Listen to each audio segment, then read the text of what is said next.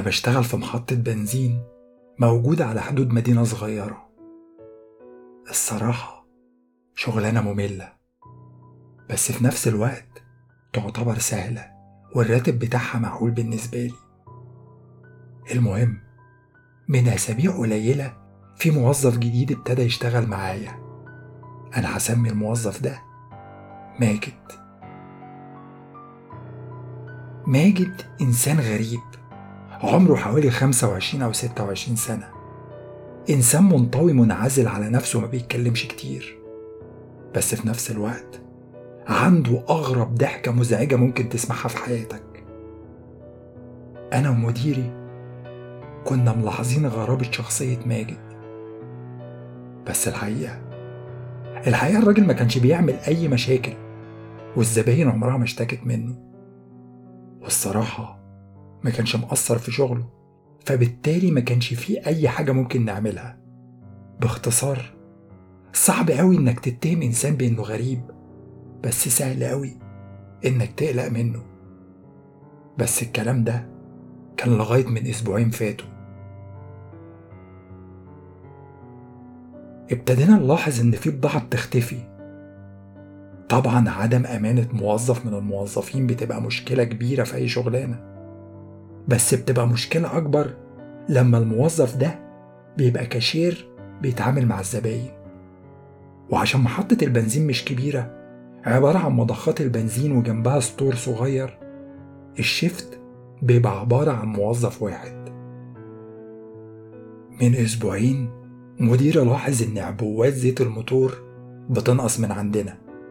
في الأول اللي كان بينقص كميات صغيرة وبعدين الكميات اللي بتنقص زادت. لحد ما الموضوع وصل لأن شحنات كاملة بقت بتختفي من المخزن بعد استلامها بيوم والموضوع ده كان دايما بيحصل بعد شفت أستاذ ماجد. مديري ابتدى يراجع شرايط كاميرات المراقبة في الأيام اللي ماجد بيشتغل فيها. بس الغريب إن كل شيء كان بيبقى طبيعي. ماجد يخلص شغل وبعدين يقفل ويمشي. وبعدين تاني يوم حذروا فزروا إيه اللي بيحصل. بالظبط. بنلاقي كميات الزيت ناقصة. مديري كان دايما بياخد شرايط كاميرات المراقبة معاه البيت ويراجعها. على أمل إنه يلاقي حاجة في الشرايط تثبت الجريمة على ماجد. بس امبارح ابنه كان عنده ماتش كورة في النادي فطلب مني إن أراجع الشرايط بداله. عرض عليا أوفر تايم حاجة من تحت الترابيزة كده مقابل الشغل اللي هعمله. وأنا وافقت.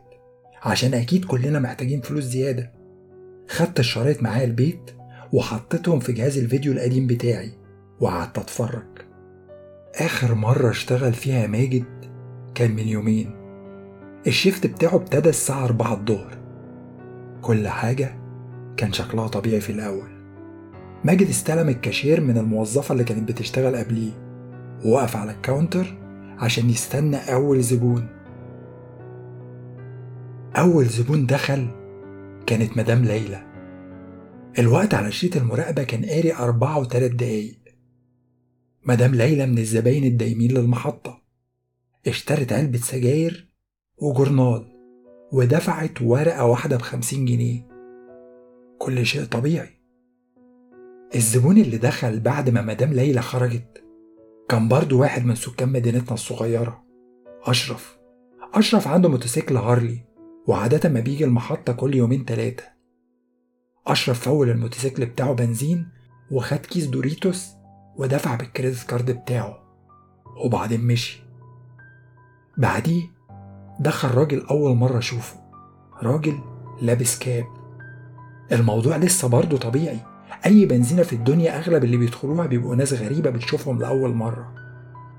المهم الراجل full عربيته بنزين ب 350 جنيه دفع 400 وماجد اداله ورقة واحدة بخمسين. سندت ظهري لورا وأنا بنفخ. الحاجة الوحيدة المملة أكتر من شغلانتي إن أتفرج على حد تاني وهو بيشتغلها. رغم كده ال overtime اللي هيدفعهولي مديري؟ خلاني أكمل. كان عندي شعور إن ماجد عارف إننا شاكين فيه. ده يبقى إنسان غبي فعلا لو سرق الزيت وهو عارف إن الكاميرات بتراقبه. اللي بيحصل قدامي على شاشة التلفزيون فضل ممل لحد ما الساعة جت خمسة. الساعة خمسة وتلات دقايق مدام ليلى رجعت تاني. تفتكروا ممكن تكون نسيت حاجة؟ لا. واضح إنها ما نسيتش مدام ليلى اشترت نفس علبة السجاير والجورنال و... ودفعت خمسين جنيه تانية. الموضوع ابتدى ما يبقاش طبيعي. ماجد كان المفروض يفكرها إنها اشترت الحاجات دي قبل كده. بس برضه أرجع وأقول مفيش قانون ضد إن الواحد يشتري نفس الحاجة مرتين. فقت من تفكيري على أشرف وهو داخل تاني. full الموتوسيكل بتاعه بنزين. بعدين أنا check ت على شريط كاميرا المراقبة الخارجية. كنت بخمن إن أشرف ممكن يكون عنده عربية أو موتوسيكل تاني محتاج ي full ه. بس اتصدمت. كان موتوسيكل هارلي برضه. طبعا معرفتش أتأكد إذا كان نفس الموتوسيكل عشان النمر ما كانتش واضحة في الكاميرا. أشرف خد كيس Doritos وبعدين دفع بال credit card بتاعه. طيب خلاص خلاص. مش مشكلة مش مشكلة. دي أكيد مجرد صدفة. مجرد صدفة غريبة. واضح إن مدام ليلى بتنسى. وواضح إن أشرف عنده موتوسيكل Harley تاني. بس في اللحظة اللي الراجل أبو كاب دخل فيها حسيت إن حد حط لي مكعب تلج في قفايا. لقيتني بكلم نفسي من غير ما أحس. من فضلك من فضلك ما تفولش بنزين ما تفولش بنزين. بس للأسف الراجل فول ب 350 جنيه بنزين دفع 400 جنيه وماجد اداله الباقي ورقة ب 50 كل حركة عملها الراجل أبو كاب كانت نسخة بالكربون من الحركات اللي عملها في زيارته الأولانية حتى لما هرش في مناخيره قبل ما يخرج من الباب. تفتكروا؟ تفتكروا ممكن يكون الشخص ده عنده عربيات كتير؟ ممكن يكون نقل جديد في المدينة بتاعتنا؟ أو ممكن ممكن يكون في حاجة غريبة جدا بتحصل. كملت فرجة. كل الناس اللي دخلت بعد كده في الساعة دي كانت هي هي نفس الناس اللي دخلت في الساعة اللي قبلها. كنت مستغرب جدا من اللي بيحصل قدامي. بس اللي حصل بعد كده خلاني خلاص هتجنن. الساعة ستة وتلات دقايق مدام ليلى دخلت تاني. لا ثواني قصدي دخلت تالت. مدام ليلى اشترت علبة سجاير والجورنال ودفعت ورقة واحدة بخمسين جنيه. لا مش ممكن. هو أنا بحلم ولا إيه؟ هو إيه اللي بيحصل بالظبط؟ اتفرجت على نص ساعة كمان وبعدين قدمت الشريط. كل حاجة كانت بتتكرر. كل زبون كان بيدخل تاني في نفس الدقيقة من كل ساعة. طبعا دلوقت أنا عارف ومتأكد أنتوا بتفكروا في إيه. الواد ماجد أكيد لعب في شرايط كاميرات المراقبة. أكيد عمل لوب في التسجيل. خلى أول ساعة ليه في الشغل تتكرر مرة ورا التانية ورا التالتة. بس للأسف أحب أكد لكم إن الكلام ده ما حصلش. في شباك موجود جنب مكان الكاشير. الشباك ده زاوية كاميرا المراقبة مغطياه. وأنا أنا كنت شايف نور شمس النهار وهو بيقل طول ما الوقت كان بيعدي. وماجد ماجد مهام شغله اللي كان بيعملها ما كانتش بتتكرر. يعني كان بيمسح الأرض ويرتب الأرفف ويرص عليها بضاعة جديدة بشكل طبيعي. الزباين بس هم اللي كانوا بيدخلوا تاني.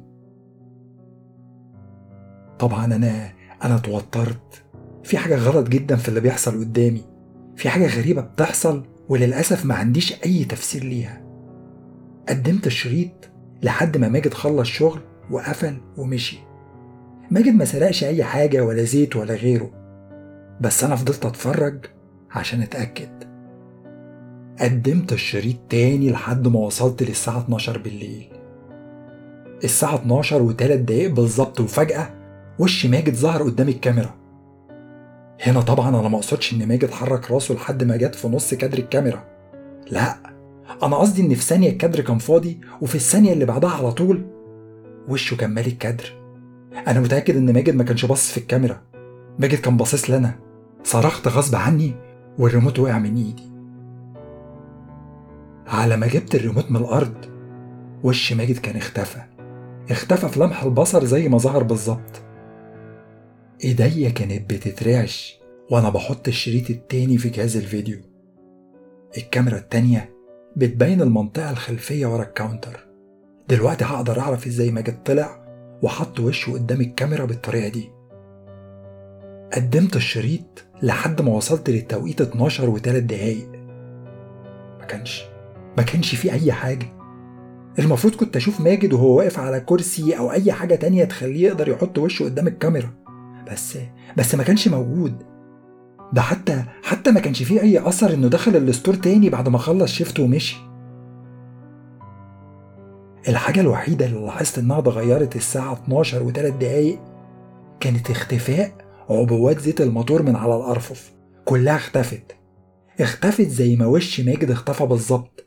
في ثانية الزيت كان موجود وفي الثانية اللي بعدها اختفى. قفلت التلفزيون ودخلت السرير. بس طبعا معرفتش أنام. جسمي كان مرهق بس عقلي ما بطلش تفكير.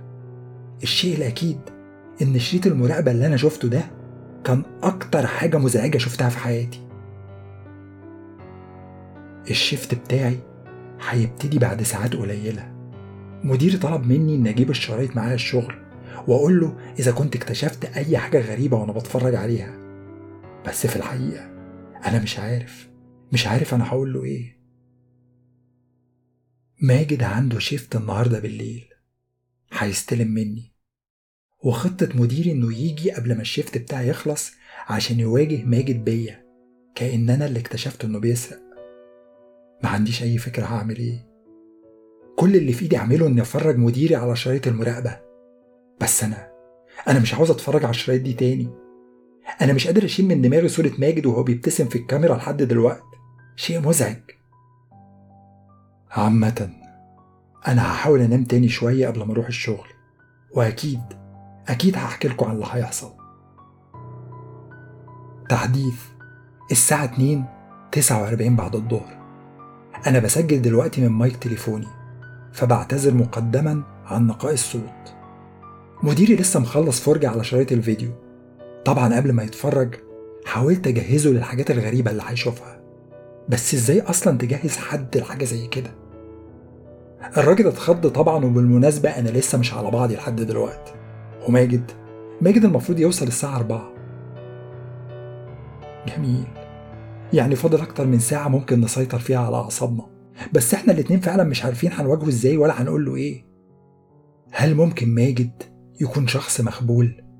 شخص بيحب يسرق زيت العربيات ويعمل مقالب مخيفة في الناس؟ أو ممكن. ممكن يكون حاجة تانية. هل ممكن يكون له علاقة بالدايرة الزمنية اللي حصلت؟ مديري أكد لي إنه ما لاحظش أي حاجة شبه كده في شرايط المراقبة؟ اللي راجعها قبل كده؟ علي بيقول لي إن الطريقة اللي وشه ظهر بيها في الكاميرا المرة دي عشان كان عارف إن أنا اللي بتفرج على الشرايط. بيستعرض قوته قدامي بيوريني هو يقدر يعمل إيه. يا نهار أسود! إيه البارانويا اللي أنا فيها دي؟ أنا حاسس إني اتجنيت خلاص. طيب طيب اللي أنا هعمله إني هتكلم مع مديري تاني. لازم نهدي نفسنا ونلاقي طريقة نتعامل بيها مع الموقف الغريب اللي إحنا فيه ده. عامة أنا هعمل تحديث تاني بالليل. عندي إحساس إن الموضوع ده مش هيخلص على خير. تحديث أربعة تلاتة وتلاتين العصر. ماجد ما ظهرش. حاولت اتصل بيه. تليفونه كان مقفول. إحنا هنتصل بالبوليس. تحديث خمسة تلاتة وتلاتين. ماجد ما ظهرش. حاولت اتصل بيه. تليفونه كان مقفول. إحنا هنتصل بالبوليس. تحديث ستة تلاتة وتلاتين. ماجد ما ظهرش. حاولت اتصل بيه. تليفونه كان مقفول. إحنا هنتصل بالبوليس. تحديث سبعة تلاتة وتلاتين. ماجد ما ظهرش. حاولت اتصل بيه. تليفونه كان مقفول. إحنا هنتصل بالبوليس. تحديث. تمانية تلاتة وتلاتين. ماجد ما ظهرش. حاولت اتصل بيه. تليفونه كان مقفول. إحنا هنتصل بالبوليس. تحديث. عشرة تمانية وخمسين بالليل. يا نهار أسود يا نهار أسود. أنا لسه داخل بيتي وشفت تحديثاتي اللي قبل كده. أنا مش فاهم أي حاجة بس اللي أقدر أقوله لكم إني رحت الشغل وماجد ما ظهرش. فأنا ومديري قررنا نتصل بالبوليس وده طبعا زي ما أنتوا عارفين وزي ما قلت لكم خمس مرات قبل كده. لما رفعت سماعة التليفون عشان أتصل الشمس اختفت. أنا متأكد إنكم مش هتصدقوني بس هو ده اللي حصل فعلا. واضح إني ما كنتش في وعي لمدة خمس ساعات. أول ما فقت وبصيت على الساعة كانت تسعة تلاتة وتلاتين. واضح إني اتحبست في الدايرة الزمنية بتاعت ماجد وبعدين خرجت منها في نفس الدقيقة اللي فقدت وعي فيها بعدها بخمس ساعات. حد فاهم حاجة؟ مش مهم عشان أنا نفسي مش فاهم أي حاجة. مديري كان جنبي قبل ما أغيب عن وعي. وكان مستعد إنه يحكي قصة معايا للبوليس. بس لما فقت سماعة التليفون الأرضي كانت في إيدي بس ما كانش فيه حرارة ومديري كان لسه جنبي بس ما كانش بيتحرك. كان متجمد في مكانه وإيده ممدودة ناحية الرف اللي عليه علب السجاير. بصيت على الساعة تاني ما كانتش بتتحرك. عقرب الثواني كان واقف على الرقم 12 والساعة الساعة كانت 9 33 بالظبط. الساعة على كمبيوتر الكاشير كانت متجمدة وموبايلي كان نفس القصة. كان في زبون واقف قدام ال counter مستني مديري يجيب له علبة سجاير. أنا براهن إن دي خامس مرة يشتري فيها سجاير النهاردة. خرجت جري من ال store. ما قفلتش لا النور ولا الباب ورايا. وطبعا طبعا أنا آسف جدا يا جماعة إني ما خدتش شرايط المراقبة معايا عشان أحملها على النت. وصدقوني صدقوني لو قلت لكم إن دي كانت آخر حاجة ممكن تخطر على بالي وقتها. محطة البنزين موجودة على طريق سريع واسع. لما خرجت كل العربيات اللي على الطريق السريع كانت واقفة كانت متجمدة في مكانها. الناس اللي جوه العربيات كانوا قاعدين زي تماثيل الشمع. ركبت عربيتي ولحسن الحظ العربية دارت. لما وصلت النص المسافة لبيتي الوقت ابتدى يبقى طبيعي تاني والتشويش اللي كان طالع من راديو العربية اتحول لموسيقى. كل حاجة رجعت طبيعية. لما قلبت في قنوات الراديو اكتشفت إن مفيش حد خد باله من موضوع تجمد الزمن أو ايا كان اللي حصل ده اسمه إيه. كنت أنا الوحيد اللي عارف. لأ لا مش الوحيد. أنا متأكد إن ماجد كمان عارف. ماجد اللي لغاية دلوقتي ما عنديش أي فكره هو فين ولا بيعمل إيه. دلوقتي أنا هستخبى في بيتي وأطلب البوليس الصبح. الحقيقة الحقيقة إني معرفش إذا كنت كلمتهم قبل كده ولا أعرف حتى إذا كانوا جم وسمعوني أو إذا كانوا حتى صدقوني لما سمعوا قصتي. أنا خايف وقلقان جدا دلوقتي. هعمل لكم تحديث تاني بكرة لو قدرت. التحديث الأخير عشرة تلاتة وتلاتين الصبح. امبارح نمت حوالي الساعة أربعة الفجر تقريبا. أصلا معرفش إزاي جالي نوم. واضح إني كنت مرهق جدا. النهاردة الصبح صحيت على صوت تليفوني بيرن. مديري كان بيتصل بيا حوالي الساعة ستة الصبح. مديري رجع لوعيه لما الوقت رجع طبيعي امبارح وعلى طول اتصل بالبوليس. طبعا البوليس في المدينة الصغيرة بتاعتنا على قدهم. الحاجة الوحيدة اللي شدت انتباههم في القصة الغريبة اللي مديري حكاها لهم كان موضوع زيت العربيات المسروق. مديري ما اعترضش وقال لي خليه معاهم للآخر. البوليس قرر إنه يدور على ماجد. طبعا إحنا عندنا ملفات لكل موظفين المحطة. وبما إن ماجد لسه شغال جديد كان سهل جدا إنهم يلاقوا الملف بتاعه. خدوا عنوانه من الملف وراحوا على بيته. بس بس المشكلة بقى إنهم لقوا بيته اتحرق سنة 1993 وبما إن المدينة بتاعتنا صغيرة فأغلب الناس كانت فاكرة الحريق. الإشاعة بتقول إن كان في أسرة مكونة من أربع أفراد ساكنة في البيت ده. الأسرة دي كان عندهم ابن هربان من البيت بقاله فترة. وما كانوش بيحبوا يجيبوا سيرته ولا يتكلموا عنه. طبعا أنا ما أقدرش أأكد صحة الإشاعة دي بس اللي أقدر أأكده إن شركة التأمين بعد ما حققت في الحريق النتيجة كانت إن الحريق بفعل فاعل. في شخص غرق البيت بالزيت وبعدين ولع فيه بكوكتيل مولوتوف. الأسرة كلها كانت نايمة لما الموضوع ده حصل وبالتالي مفيش حد نجا منهم والفاعل فضل مجهول.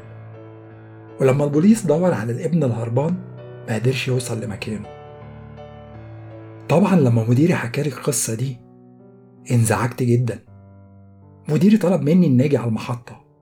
طبعا رفضت في الأول. كان مستحيل إني أمر بالتجربة دي تاني. بس لما طمني وأكد لي إن البوليس معاه وإن في ناس غير البوليس موجودين ناس بتقول إنهم بين قوسين من جهة أمنية عليا وإنهم عاوزين يتكلموا معايا. قررت إن الأفضل إن أروح لهم برجليا الساعة سبعة وربع الصبح لبست ورحت على المحطة. أربع رجالة لابسين بدل سودا حيوني وقعدوني على كرسي. حكيت لهم كل حاجة أعرفها تلات أو أربع مرات لحد ما عرفوا كل التفاصيل اللي عاوزين يعرفوها. طبعا حكيت لهم على ماجد وشرايط كاميرات المراقبة واللي حصل امبارح بالليل في الشغل. حكيت لهم على كل حاجة. بعد ما خلصت واحد من الرجالة اللي لابسين بدل سودا بص لزملائه وهو بيقول أنا مش مصدق إننا لقينا واحد تاني. وبعدين مضوني على ورق كتير وهم بيأكدوا لي إن اللي حصل ده سري للغاية ومش المفروض إن أنطق بأي كلمة منه. فبالتالي أنا مش هقدر أقول لكم أي حاجة زيادة. أنا ممكن أصلا أكون اتخطيت حدودي باللي أنا حكيته قبل كده. دلوقت أنا في بيتي. الجملة اللي قالها الراجل اللي لابس البدلة السوداء موتراني. عامةً أنا لازم أسيبكوا دلوقت. ورايا حاجات كتير المفروض أعملها. وبعدها المفروض أروح الشغل عشان آخد شرايط كاميرات المراقبة من مديري. مديري اللي شاكك إن الموظف الجديد ماجد بيسرق زيت العربيات. وأنا هتفرج على الشرايط دي عشان أحاول أمسكه متلبس. مديري عرض عليا أوفر تايم حاجة من تحت الترابيزة كده مقابل الشغل اللي هعمله. وأنا طبعا وافقت. عشان كلنا أكيد محتاجين فلوس زيادة. الموضوع أكيد هيبقى سهل. عشان الزيت بيختفي على طول بعد شفت ماجد. كل اللي هعمله إني هتفرج على الشرايط وأظبطه متلبس والموضوع هيخلص على كده.